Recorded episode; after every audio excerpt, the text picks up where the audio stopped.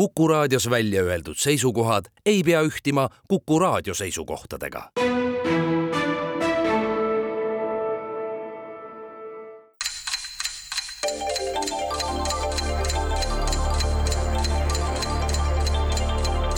tarkade klubi targemaid küsijaid toetab lisateadmistega Postimehe raamatukirjastus tere taas, Kuku raadio Tarkade klubi tervitab häid kuulajaid ka kosjakuuks kutsutud oktoobri teisel laupäeval, mis kunagi üsna kurvameelset kolletamispäeva nime kandis.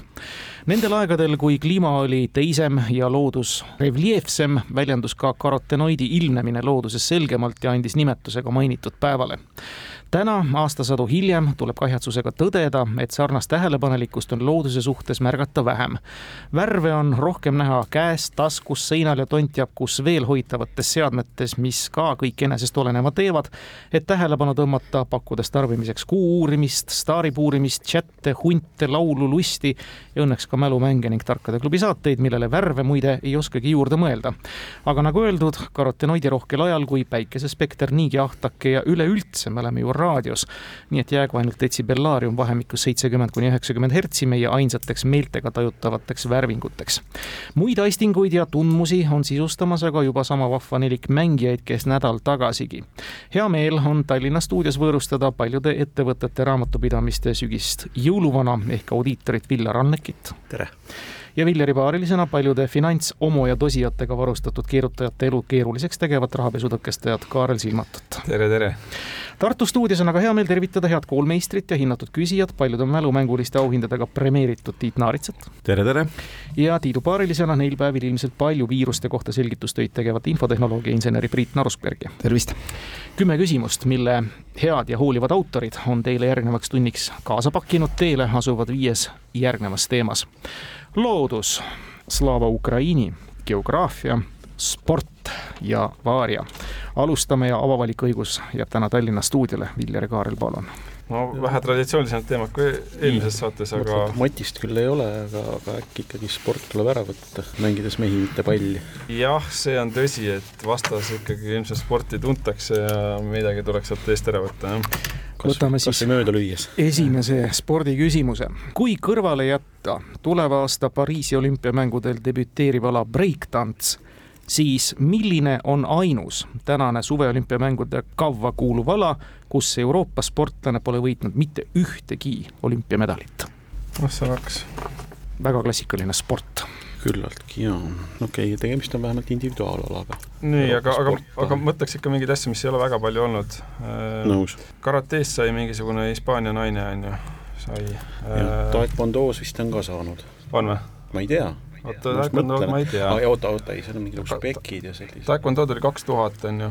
loogiline oleks, et sealt ilmselt võtavad ka mingisugused korealased oma, oma nagu koduala asjad ära. Nemad võtavad nii ehk noh, jah. aga pole seda medatabelit väga jälginud, äh, siis ähm, golfis tuhat üheksasada keegi brittidest ikka võis võtta. oota, ma mõtlen, seal oli mingi naine oli küll, kas ta oli nüüd britt või oli ta ameeriklane? aga kui sa mõtled tuhat üheksasada, eks ju, olümpia oli suhteliselt Euroopa keskne üritus mm. -hmm nojah, mõni medal ikka. täpselt, et ühe, üks, üks medal ikka võetakse, et ma pigem ikkagi läheks nende peale, mis on olnud siin viimasel ajal kavasse tulnud. Äh, ronimises äh, üldiselt vist äh, ikkagi eurooplased domineerivad. jah minu meelest isegi võitja oli eurooplane. jah, surf rulatamises sai ja. brittide mingi kolmeteistaastane tüdruk sai vist pronksi, on ju. imelaps, just. oota, aga surfis mul ei ole küll meeles, seal oli mingi brasiillane, brasiillane ja mingi äkki austraallane või? ja see ju ei ole pikemalt olnud. see ei ole pikemalt olnud mm.. tunnistan, mul, mul siin valitseb nüüd tühi koht. nii, et aga rulasõit, seal panid jaapanlased, panid su-, aa ei, rulasõit, jah, jah, sorry, jah, see naine tüdruk võttis, jah mm, -hmm, siis äh, Taekwondo on muidugi pikemalt olnud, eks ju. Taekwondo tuli kaks tuhat. nii mitme olümpiaga keegi ikkagi tõenäoliselt võtab ühe medali mm., muidu ta on küll väga selline. jah, et, et samas oota, aga üks, kuule mm., ma panen ühe lolli küsimuse vahele sulgpall on küll jube pikalt olnud juba, kas ta oli vist kaheksakümne aga kas seal pole see hispaanlanna aga just ma mõtlengi, et seal noh, taanlased on ka kõvad olnud. jaa, taanlased on ka võtnud ja kõva, jaa, on, taanlased on võtnud meestest ja naistes on mingi, mingi hispaanlanna on vist esinumber olnud. Karoliina Marin. jah. no aga siis äkki minna ikkagi tõenäosuse peale, mida vähem olnud ala, seda suurem tõenäosus. ütleme, et ma pigem välistaks äh, nendest, võt-, võtaks golfi ikkagi ära, et, et see golfis ilmselt mingi eurooplane on saanud. surfiga on nüüd natukene kehvasti, et seal vist tunnistan, et mul teadmine absoluutselt puudub. jah, ma, ma tean vist ainult võitjaid ja võitjate hulgas ei olnud eurooplast, aga see ei tähenda, et seal pronksi või hõbedaid ei võinud, on ju. mis seal veel tuli, kolm korda kolm korvpall või? noh, seal, seal võtsid seal Euroopa, juba lätlased, eks ju. kas on õige see mõte, et see on ikkagi individuaalala? küsimusest kuidagi kumab läbi? jah, küsimusest kumab läbi tõesti, et Euroopa sportlane. nojah, ausalt öeldes ega vist praegu pigem olen nagu taekwondo ja surfi vahel, on ju aga kui taekwondo on olnud nii mitu olümpiat, pluss seal on ju veel ka kaalu, kaalukategooriad, kas ei ole? jah, on küll. mis veidikene veel nagu tõstab seda tõenäosust, et, et no ühe medali ikka kobistab keegi ära. kas või kodustatud, kodustatud korealane. jah, jah, jah, okei okay,, see on nüüd, okei okay., oota, aga ma mõtlen, kas midagi on veel, ma ei julge seda surfi välja öelda, et see on midagi peab jah, minul, minul on hetkel see nii-öelda õnnis teadmatus, et äh, suudan natuke kaasa lüüa ja enamasti lihtsalt mõttetargalt noogutada. uuemad alad. sobin suurepäraselt juhiks. kas, kas midagi on vahepeal, on sel sajandil veel midagi tulnud? liiga palju pole tulnud, pigem mingid distsipliinid on lisandunud mm. -hmm. kuule, aga lähme selle surfi peale. tunnistan, muidu, muidu siin need tartlased juba nihelevad tõenäoliselt rahutult ja. ja tahavad selle õige vastuse ära anda, et anname no, siis kas õige või vale vastuse? anname, ütleme surf. ja annate õige vastuse. see tõepoolest on surf, üks kord ainult olümpiamängude kavas olnud, viis medaliriiki ja nende hulgas ei ole mitte ühtegi Euroopa riiki. Taekwondos on nelikümmend kaks medaliriiki, eurooplasi küll ja veel no., kes on seal olümpiamedali võitnud ja teisedki teie poolt mainitud alad, kaasa arvatud golf.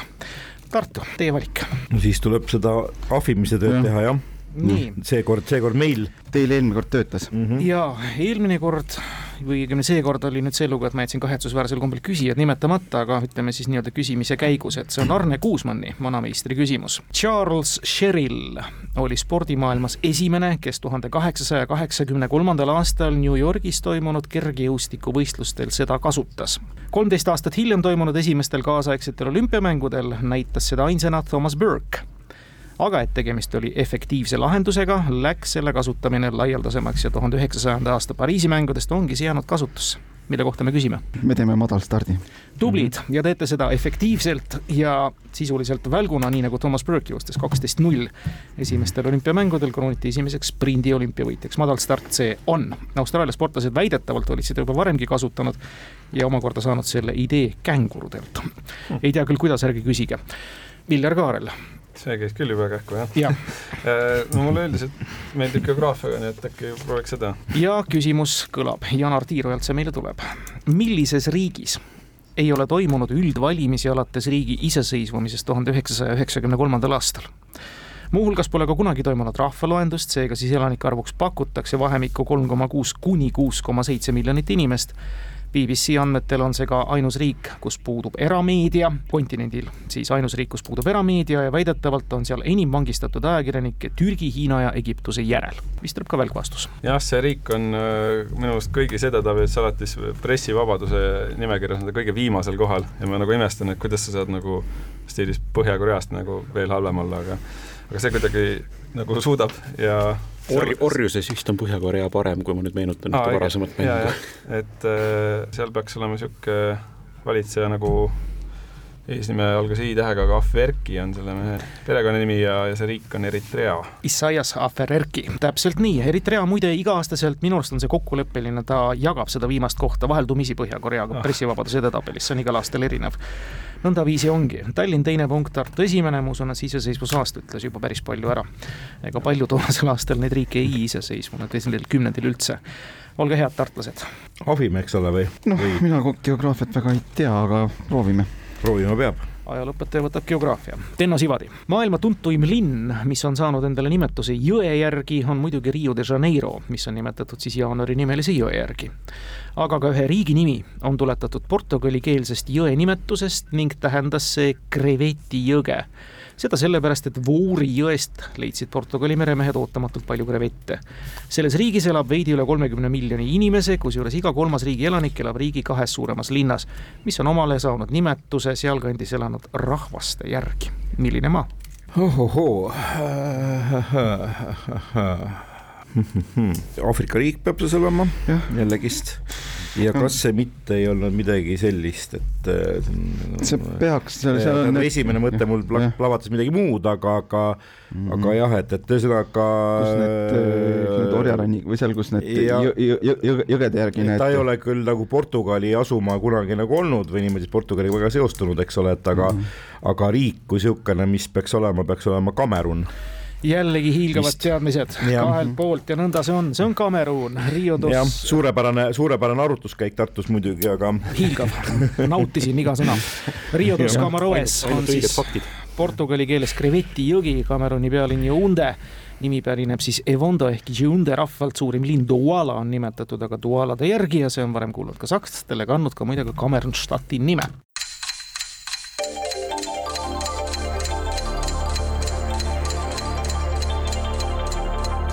Tarkade klubi targemaid küsijaid toetab lisateadmistega Postimehe raamatukirjastus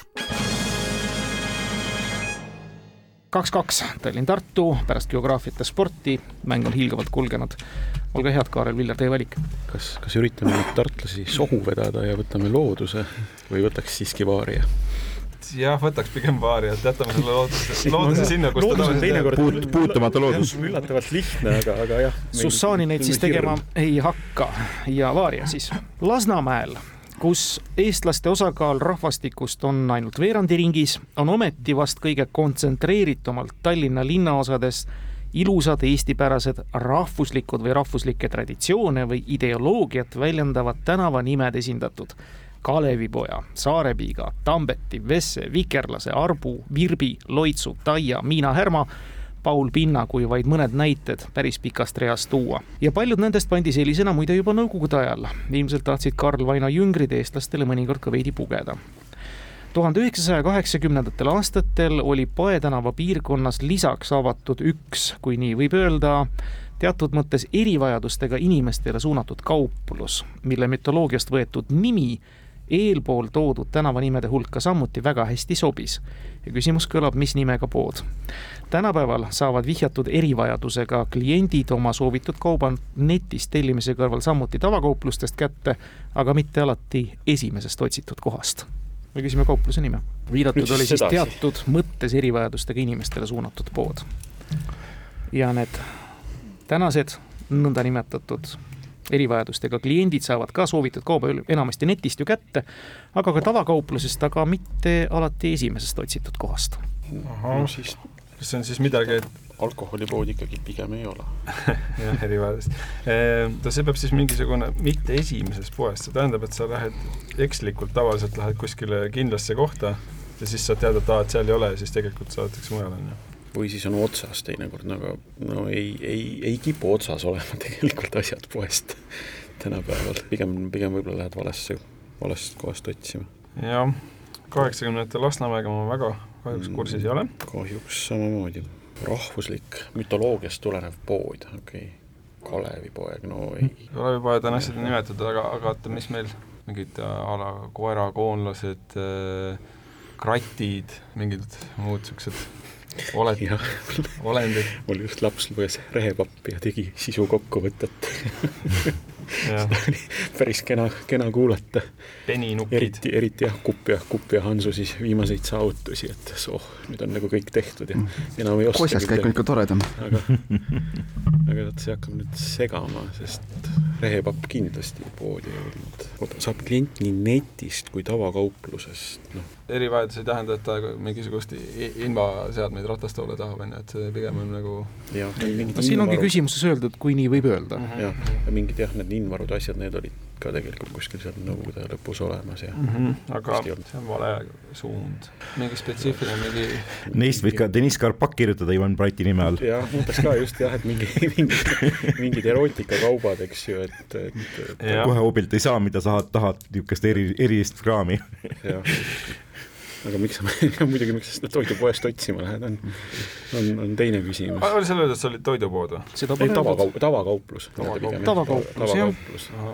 erivajadustega, mööblipood, mööblimaja oli mööbli, mingi riided, kangad. Mikero, ei see oli mingi vabrik. aga, aga äkki peaks ikkagi kuidagi mütoloogiast hakkama?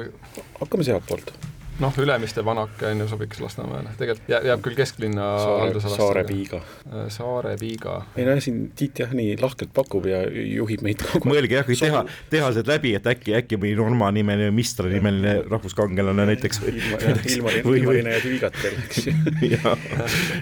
Viigatel on päris tore ju kangelane. loodust, loo-, loodust ei ole, aga Ivan Sussanin on meil Tartus juba olemas Saare piiga, see sild on ju olemas, on ju Saareviiga sild on jah olemas ja aga, aga noh, jah, Saareviiga pood. küsimus on just, mida, mida müüdi või, või ka kaupluse nimi? küsimus siis täpsemalt on tõesti, mis nimega pood? mis nimega pood? Saarepiiga on sild et.... aga see, see nim-, see nimi ilmselt vihjab siis koheselt nagu, mis see kaup ka on, nii et mm -hmm. mis olendeid meil veel tuleb. aga tõesti, et Saarepiiga, et Nõukogude ajal vist oli see, et, et nii-öelda mingid, ma ei tea, sukad oli kohutav defitsiit naisterahvastel mm -hmm. netist ja tavakauplusest, noh, tõenäoliselt saab ka no,. tänapäeval sa vist sukki ikka nagu ei telli netist ju. tuleb ausalt, tuleb ausalt tunnistada jah, sama asi, et praktika puudumisel ma ei oska kinnitada ega ümber lükata. pangaröövide lõppemisel enam ei tellita jah, nii-öelda, et sukkasid poes või letipoest ja üldiselt no pole vaja. juhtubki nagu ühes reklaamis, eks ju, et tellisid võrksukka ja panid pähe. aga mitte esimest, kas, või on see mingi vihje hoopis sellele, et on mingisugune kaup, mis on pidevalt defitsiidis? Praegusel ajal nimetame nii kaua no,, ma ei tea, vahepeal oli mingi vetsupaber oli mingi Covidi ajal ja mingi suhkru mingisugused meeletud kokkuostmised on mm,. noh jah, sool, sooltikud, aga no. hästi no, isegi jah. mõeldes, kui, kui totter nõukogude aeg oli, siis see tualettpaberi erikauplus kõlab veidike kummaliselt mm. ja mis selle nimi siis peaks olema? ja aga kas me suudame mütoloogiat, oota äh,, aga lennuk mida võiks kaupluses lennuk müüa? Cessnat noh, et Mattias, Mattias Rust ostis pigem Tallinnast ja mul käis ka korra lennuk läbi tõesti, aga, aga, aga noh, mida, eks ju, hirmikene, eks ju, muistu. no võib-olla on mingi mudellennunduse fännid lähevad kauplusesse lennuk ja siis öeldakse, et kuule, et, et sellega on nüüd pahasti, et siit, siit nagu ei saa, et nojah, Saarepiiga pood tõesti, no see oleks ikka väga nagu selline pimedas toas mhm. -huh. märki viskamine no.. kuule, aga, aga lihtsalt tunnistame, huupi me mängime ja, praegu ja, ja see lennuk on nii ilus pakkumine, paneme lennuk lennuk on tõesti ilus pakkumine, ei ole kahjuks õige vastus. ütleme, et pri, eh, oleksin Mait Priit Priidul eh, jah, ega mina, mina võib-olla mahuks ka sinna ääriveeri juba peaaegu et ära, aga mul poleks sinna poodi asja. aga jah, et Priidul võib-olla jah, ei, ei ole sinna poodi asja, aga tal üks mõte tekkis, ütleme, et Helge hetk nüüd. minu meelest oli, kuna tavapoes olid riided standardinimestele, siis standardist välja jäävatele inimestele oli eraldi pood, Suur Tõll. õige, suurepärane teadmine, Suur Tõll, tollal siis defitsiitsed rõiva ja jalatsi tooted suure kasvulistele ja tugevas ülekaalus inimestele.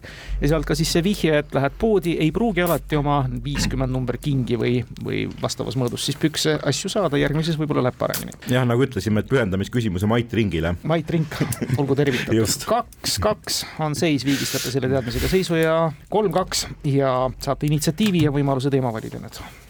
no ahvime või? no ahvime. Vaarja kaks. puutumatu loodus. Aarne Kuusmann, vanameister, küsib.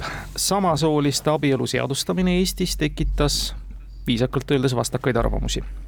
ajalugu tunneb muidugi palju erinevaid abieluvorme. konkubinaat, abielu oli Vana-Roomas üks paljudest. mis oli selle konkubinaadi abielu põhitunnus. Kas ta oli konku, konkubiinaat või konkuminaat? konkubiinaat. aa, konkubiinaat, noh, konkubiin on ju. mingi liignaine ta on ju on jah, liignaine, et mis siis oli, et võib nagu mingisuguse mingi... liignaise endale võtta või siis. aga selles mõttes, kas sellest piisab, et ta on see nagu polügaam, mitte, mitte polügaam kuidas, polügaamne abielu või? No teoreetiliselt ta ju, isegi teoreetiliselt, vaid noh, praktikas ta niimoodi oleks, kui ta, kui ta oleks, eks ole. mingi et, jah, mingi, mingi, mingi, mingi kitsendus nendel konkubiinidel, nendel liignaistel oli, aga mitte erinevalt sellest mm -hmm. nagu. Vana-Roomas muidugi ma ei ole väga kuulnud sellest, sellest asjast, aga eks neid abieluasju ei ole ka loetud nii väga põhjalikult selle Vana-Rooma aga jah, kas see konkubiini liignaine on tulnud nagu sealt või on äh, võetud äh, oli tal seal Vanas-Roomas mingi teine tähendus, umbes nagu pedagoog mm. -hmm, mm -hmm. mis tollal no, tähendas ühte ja tänapäeval teist. kas see oli sealt juutide juurest, et et kui nagu üks naine ära sureb, siis võtad tolle õe ja abiellud temaga, kui õde, õde näiteks vallaline on, eks ole, et midagi sihukest oli ka ju mingisugune sihukene või mm -hmm. siis seal oli vastupidi, et see nii-öelda meespoolega vastavalt või niimoodi, aga noh, konkubiin jah, iseenesest on ju seesamune, et sihuke liignaine, eks ole, sihukene nagu noh, peaaegu armukese staatuses või nii tegelane, et aga siis nagu tuli, tuli nagu ära võtta see, aga jällegi küsimus, et kui täpselt tahetakse teada, eks ole, et, et mhm. võib-olla on mingi täpsustus nagu selle lifti küsimusega siin kord oli, et saab jälle veel täpsemalt vastata ja Tallinn vastab selle täpsemalt ära. aga kui see nüüd on teie vastus, siis ma üldjoontes sain sellest aru. ja me niisugune natuke Andres Keililik, aga ma muidugi ei oska nii, nii Andrese moodi mm. luule, luulesse laskuda. ja ma kahjuks ei saa selle eest isegi punkti mitte anda ja öelda, et no, ma, ma igaks juhuks kuulan Tallinnat, nii et mm. -hmm mulle meeldis, et, et Viljar kirjutas nagu sel ajal paberile, et tuleb anda Andres Keililik vastus nii teie võimalus. aga ja. meil see mõte läks tõesti samadele radadele, mis tartlastel, et, et jah, et konkuminaat, et liignaised ju, konkubiinid no, on ko, aga kon, see eesliide ju nagu, viitab nagu koos, koos, jah mm -hmm., aga, aga samas ikkagi tundub, et, et vanad roomlased äkki niivõrd sellised progressiivsed ei olnud, et, et seal oleks kahe naise vahelist abielu lubatud ja see oleks tõenäoliselt ikkagi mingi muu termin olnud mm., siis neil see konkubiin ei tuleks aga, aga meie mõte läks sinna, et, et konkubinaat on siis mingit sorti abielu, kus neil erinevatel naistel on suhteliselt võrdsed õigused abikaasale. aga, aga nagu nii-öelda, et aga mehi on üks? jah, aga, aga, aga, aga mehi on üks, jah ei saa ka ma seda õigeks vastuseks lugeda. konkubinaadiks loeti Vanas-Roomas olukorda, kus anti võimalus mehele ja naisele abielluda, kes seda tavatingimustel teha ei saanud, sotsiaalne staatus oli äärmiselt ebavõrdne, ehk piltlikult öeldes orjatar võis abielluda, ütleme, mõne jõuka kaupmehe või kellegi teisega. see oli siis konkubinaat või selline eriluba.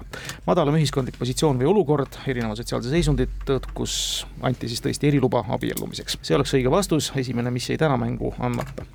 Kolm Tartu, kaks Tallinn, me jätkame ja jäänud ongi loodus ja Ukraina. no ega me vist ikka looduse peale ei lähe. Teeme ikka sümboolselt jah, et äh, võtaks selle Ukraina ja siis kutsuks tartlasi ka nagu ohvima, et siis jääb loodus nagu selge, siis lõpetame kauni loodusega. Sel muidu üsna värvivaesel, nagu viidatud sai. ei no tartlased ei ole kohustatud. ja, ja, no jumala eest, nii, aga võtame siis ülemöödunud esmaspäeval, teisel oktoobril, jutt käib siis Ukraina küsimusest, jah teisel oktoobril sai poole sajandi vanuseks Poltavas sündinud Andri Danõlko, kes on olnud paljude jaoks võib-olla esimene ukrainlane meie kaasajal, kes Venemaaga avalikult hüvasti jättis. seda tegi mees kõige ilmekamalt Helsingis kahe tuhande seitsmenda aasta kaheteistkümnendal mail ning venelased said enda arvates sellest ka õigesti aru, ta Moskoovias nii sisuliselt persona non grataks muutes. millise nime all me Danõlkot paremini tunneme? oota, viiekümne aastane kaks tuhat seitse, mai. maikuu on Eurovisioon. aa, Verka Serdutška. jah, just. kaks tuhat seitse tõmbas käis, jah? tubli täpselt nii, Verkas Serdjutška, transvesti ja artist. Eurovisioonil saavutas ta esitatud Dancing Lasha Tumbaiga tollal serblanna Molitva järel teise koha. Lasha Tumbai pidavat mongoli keeles klopi või vahule tähendama, aga paljud soovisid seda kuulda kui Russia Goodbye ning juba poolteist aastat laulabki see omapärane, aga seni populaarne esitaja antud lugu sihilikult just nende sõnadega. kolm Tallinn, kolm Tartu, nii et nüüd on ihaldatud viik käes ja üks Ukraina, kaks loodust kummaga lähme, head tartlased, teie valik. noh, kas saali, saeme tooli jalgu või, või ahvime, mis sa arvad mm,? ma ei tea, kui teine Ukraina oleks sama lihtne, siis läks Ukraina teed keegi jah, seda ja. ei luba ega tõota. kahte loodusküsimust vastata ka on nagu no ma, ma, ma, ma saan, ma saan, ma saan alati selle, selle riski, riski enda peale võtta. ma jätan, ma jätan sulle valida Lood,. loodusega riskida kaks küsimust, loodusega. ei, mind see loodus ka nii väga ei häiri, ma võin loodust ka vastata no,. Äh, teeme siis äh, sellise nii-öelda reetliku sammu, et, et ühesõnaga, mm. et, et võtame, võtame looduse seekord. Nonii, see taktika on küünlaid väärt, sellel kohe arutleti kohe nii pikalt, et viska või täringut. taksonoomilist. pikem, pikem kui küsimine ise, eks ole taksonoomilisse perekonda lumbricus kuuluvaid fauna esindajaid kutsutakse eesti keeles ja veel mõnes keeles nimetusega, mis levinud eelarvamuse kohaselt nendele midagi ühes kindlas olukorras avalduvalt väga meeldivat ja oodatut tähistab aga tegelikult antud loomakesed nimelt seda kõige rohkem pelgavadki ja vastava olukorra tagajärgi enda jaoks vältida soovivad. kuid ainult selle tõttu nad meile kõikidele tuntud ja nähtavad ongi, millised fauna esindajad. suguelundid muide paiknevad neil rohkem pea pool ja ühel isendil on mõlema soorganid. ja, ja sugu, ei no saite nüüd? just mõtlesin Saime nüüd, jah. Ja, ei, mis, mis, mis, mis, mis taksonoomia tase see lumbrikus oli? lumbrikus on taksonoomiline perekond. Perekond mm. -hmm.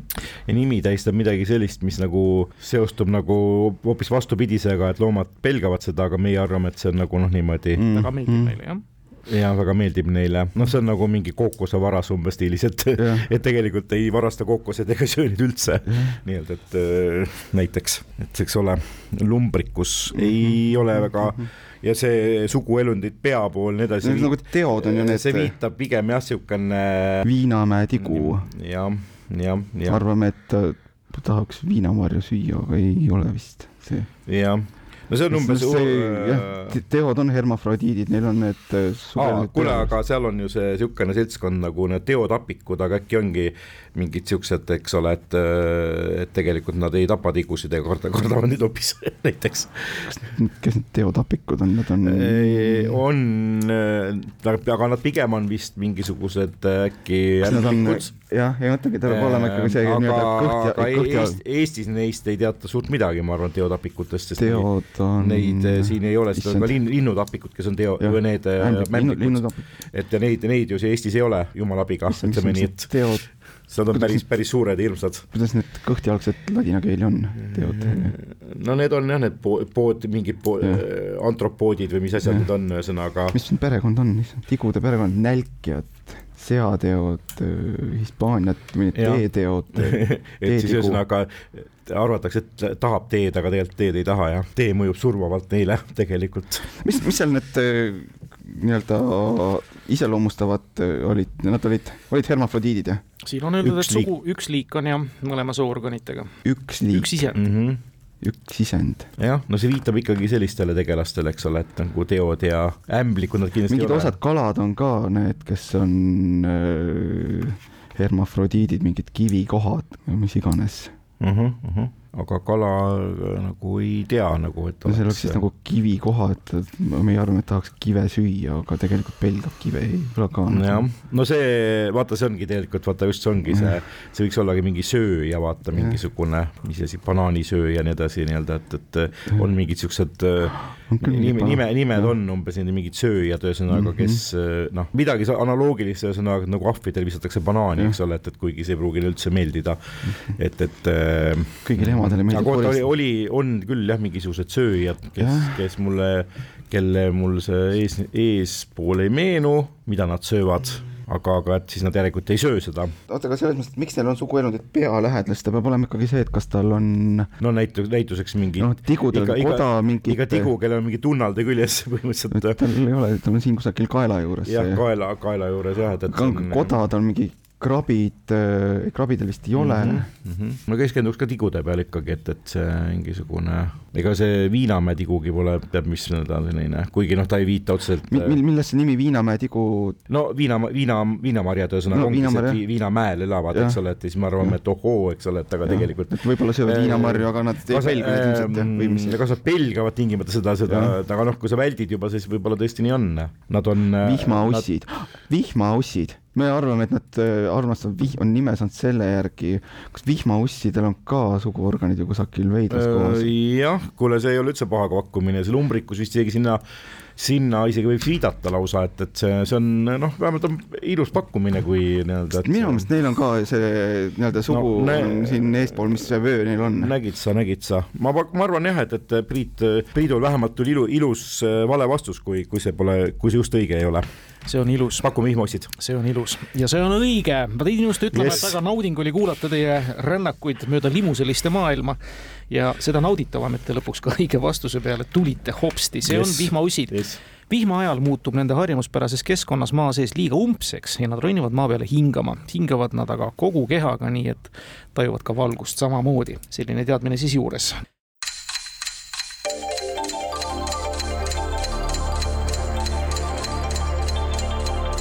tarkade klubi targemaid küsijaid toetab lisateadmistega Postimehe raamatukirjastus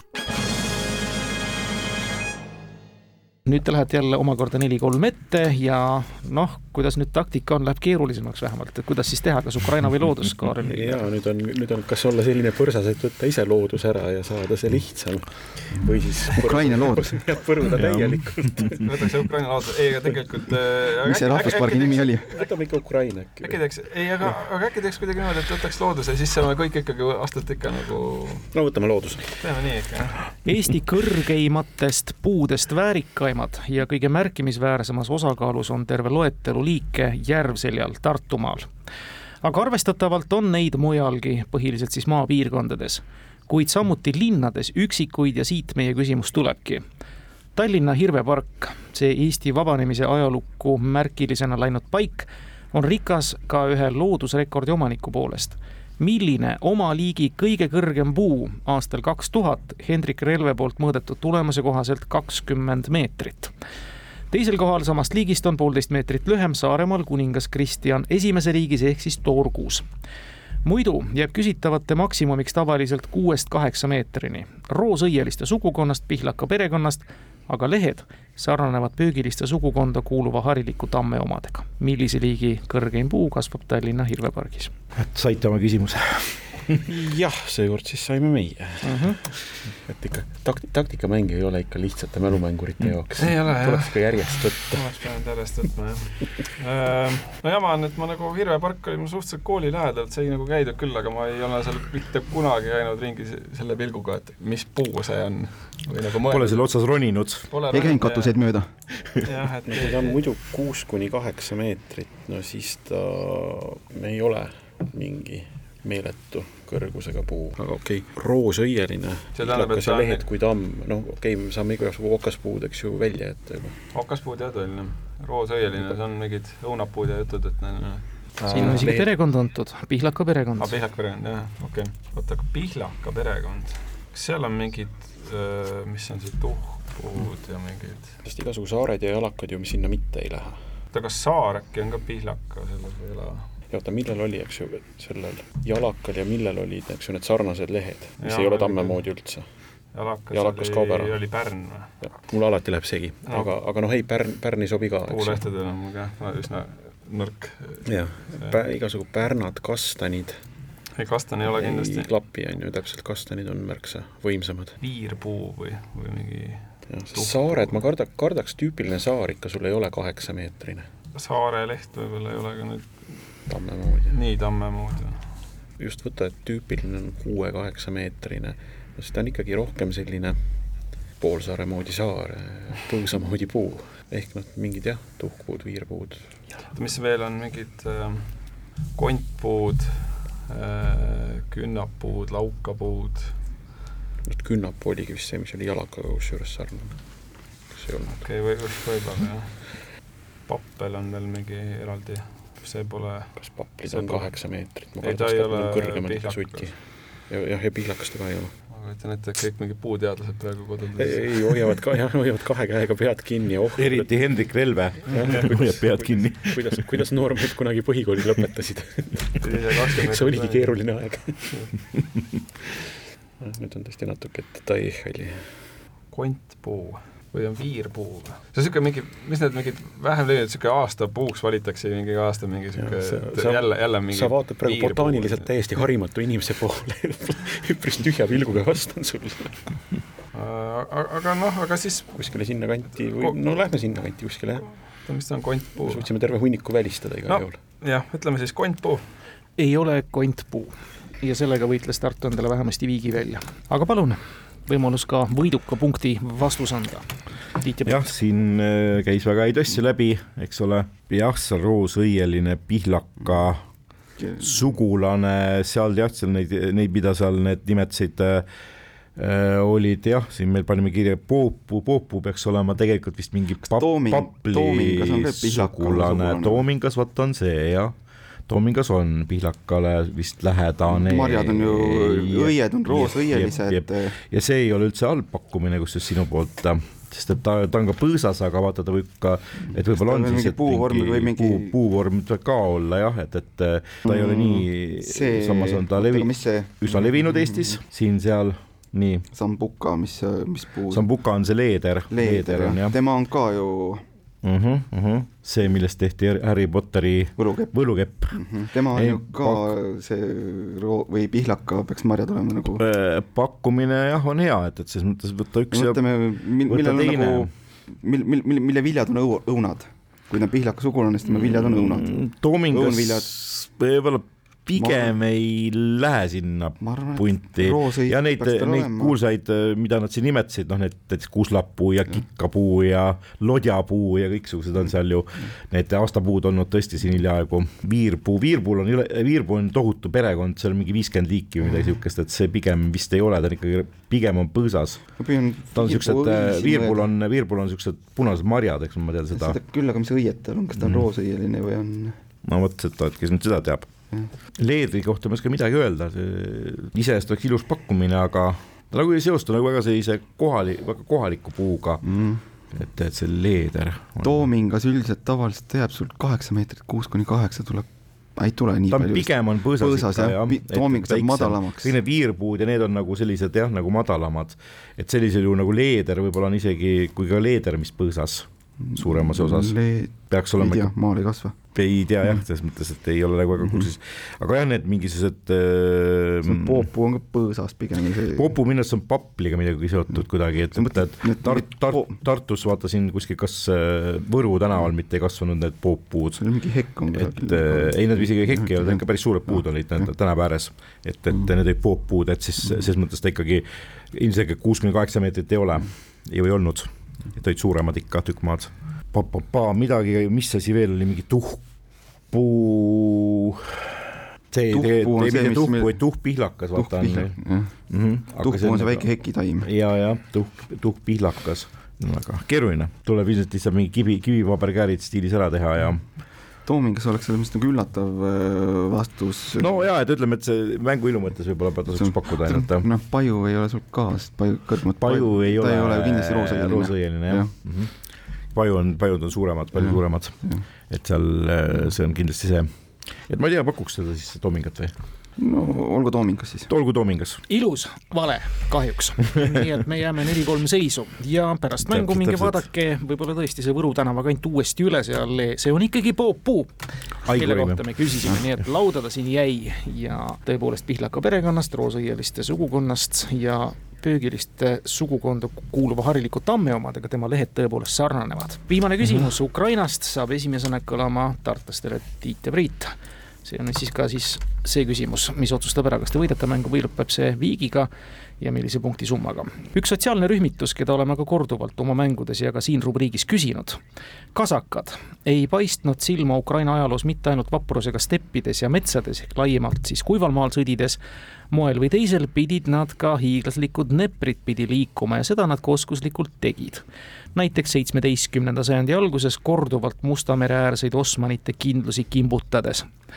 kuidas kutsuti kasakate purjelaevu, kõlab küsimus.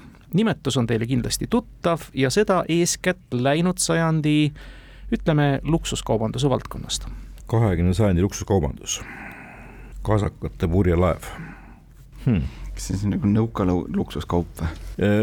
no või siis jah, mingi sot-, nii-öelda sotsialistlik leer, et pigem on just ta nagu mingi kau-, kadunud kaubamärk mm.. Tšaikad. Tšaika näiteks jah, luksuskaup. mingeid luksus riide ja sellist kraami nagu küll ei mäleta. nojah, see on see ikkagi limusiin nõukogudeaegne, eks ole, et ja, ja, ja ta on, see ei saa olla midagi, mingi prantsuse moe, moebränd, eks ole, et, et seega. Need elavad mm. -hmm, need kindlasti elavad või kui on kadunudki, siis nad kindlasti ei võtnud kuskil kasakate järgi enda nime, vaid panid pigem enda järgi seda nime. see tegelikult on täitsa ilus, et ega ma selle etümoloogiaga kursis väga ei ole, aga, aga mis seal nõukogude ajal ikka nii väga. Tšaik oli kajakas, aga. jah, no vaata, samas see noh, no samas ju nii-öelda haakub. paadile võid ka nimeks panna kajaka. kajak pa,, paat nimega kajakas ma mõtlen, mis seal veel võis olla, et eh, noh, mingi nõukaajal mingi luksuslik asi, ma ei tea, hmm, mingi luksusriided. no värviteleviisor oli luksuslik, aga. ja no nende nimed olid, ma ei tea, seal Zeniit ja mingid asjad mingid Satko. Satko ja Satko vist ei olnudki isegi see, mm. seal olid mingid muud asjad, mingid riided, mis seal mm. olid, mingid dubljonkad ja, ja siuksed asjad kohe kasukas, niisugune luksuskasukas, aga, aga pigem see ka viitas ka jälle selle materjalile või midagi niisugust nii-öelda, et äh, mulle tegelikult meeldiks, et ühesõnaga, et kui vähemalt põhja läheme, siis läheme niisuguse ilusa vastusega, eks ole, niimoodi, et ütleme, et paneme nii-öelda punkti ja siis nii edasi. ja kuidagi tunne ütleb, et ma ei tea, lihtsalt ei ole väga selline, väga nii-öelda international küsimus, et seal see vastaspool ka ütleb kohe ära, et oi, me seda teame, eks ole, et seda me oleme uurinud ja ja selleks äh, tiitlivõistlusteks õppinud seda pähe selliseid, selliseid termineid lõputult palju. ma ei tea, lähme Tšaika peale siis. no näiteks jah, see on vägev, vähemalt kajakat tähendab, aga vähemalt võib-olla oli ka siis niisugune nii-öelda noh, selline no kõigepealt kommenteerin vastaspoolt, nad ei ole väga seda nägu, nad oleks selleks saateks valmistunud seitsmeteistkümnenda sajandi kasakate ajalugu uurinud. aga Tšaika on mm -hmm. õige vastus ja ei Jep. lähe põhja, vaid tõusete Dnepri kaunite laineharjade peale võidukalt viis-kolm võiduga täna siis ja korralik revanš on tallinlaste vastu saadud ega muud selle ausa kahe nädala lõpetuseks ja eeskätt tänast mängu tähistades valime välja ka teie arvates kuuldud parima küsimuse. päris lahedaid küsimusi tegelikult, suur töll oli äge, näiteks kuigi Priit selle kohe välja tuletas enam-vähem, see vihmaoss oli tegelikult suur töö tulemus. oli selles mõttes, mulle meeldis. jah, vihma, vihmaoss, vihmaosside oli äge, see oli siuke tõeline töövõit. see oli tõesti töövõit. ma olen seda nime kusagilt äh, lugenud. ja see, see lumbrikus, lubrikus, see nagu mm. no ei ole kohe nii-öelda võtta kui kuskilt hetkega. see oli tõepoolest äge. äge ja toredate vihjetega komponeeritud küsimus Margus Pillau poolt taas kord mm. -hmm. aitäh ja, teile, Priit, sügisesse Tartusse, aitäh sügisesse Tallinnasse, Kaarel Viljar täna stuudiosse tulemast, soovime teile ilusat jätku ja uute kohtumisteni. hoolega hoitud auhinnad toob kohale Smartpost Itella. lõpetame saate taas kuulajamänguga eelmisel nädalal lõpetas saate küsimus, mis kõlas järgmiselt saja neljakümne neljasel platsil on neid kokku kuuskümmend, sajasel kokku nelikümmend.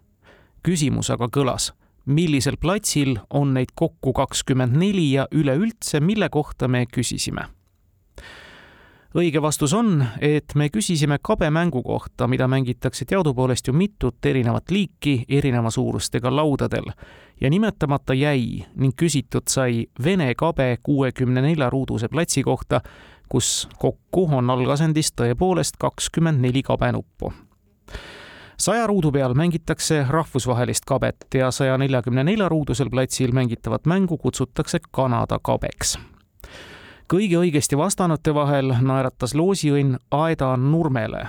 palju õnne, teiega võtame ühendust. uus nädala küsimus kõlab aga järgmiselt.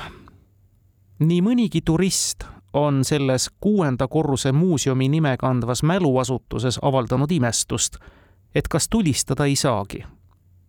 Küsimus kõlab, millises linnas see muuseum asub vastuseid ootame nagu ikka e-posti aadressil tarkadeklubi.kuku.ee või tavapostiga aadressil Tartu maantee kaheksakümmend, Tallinn, Kuku raadio, Tarkade klubi.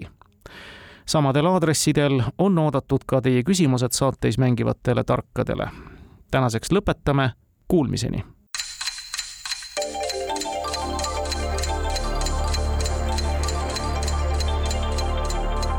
tarkade klubi.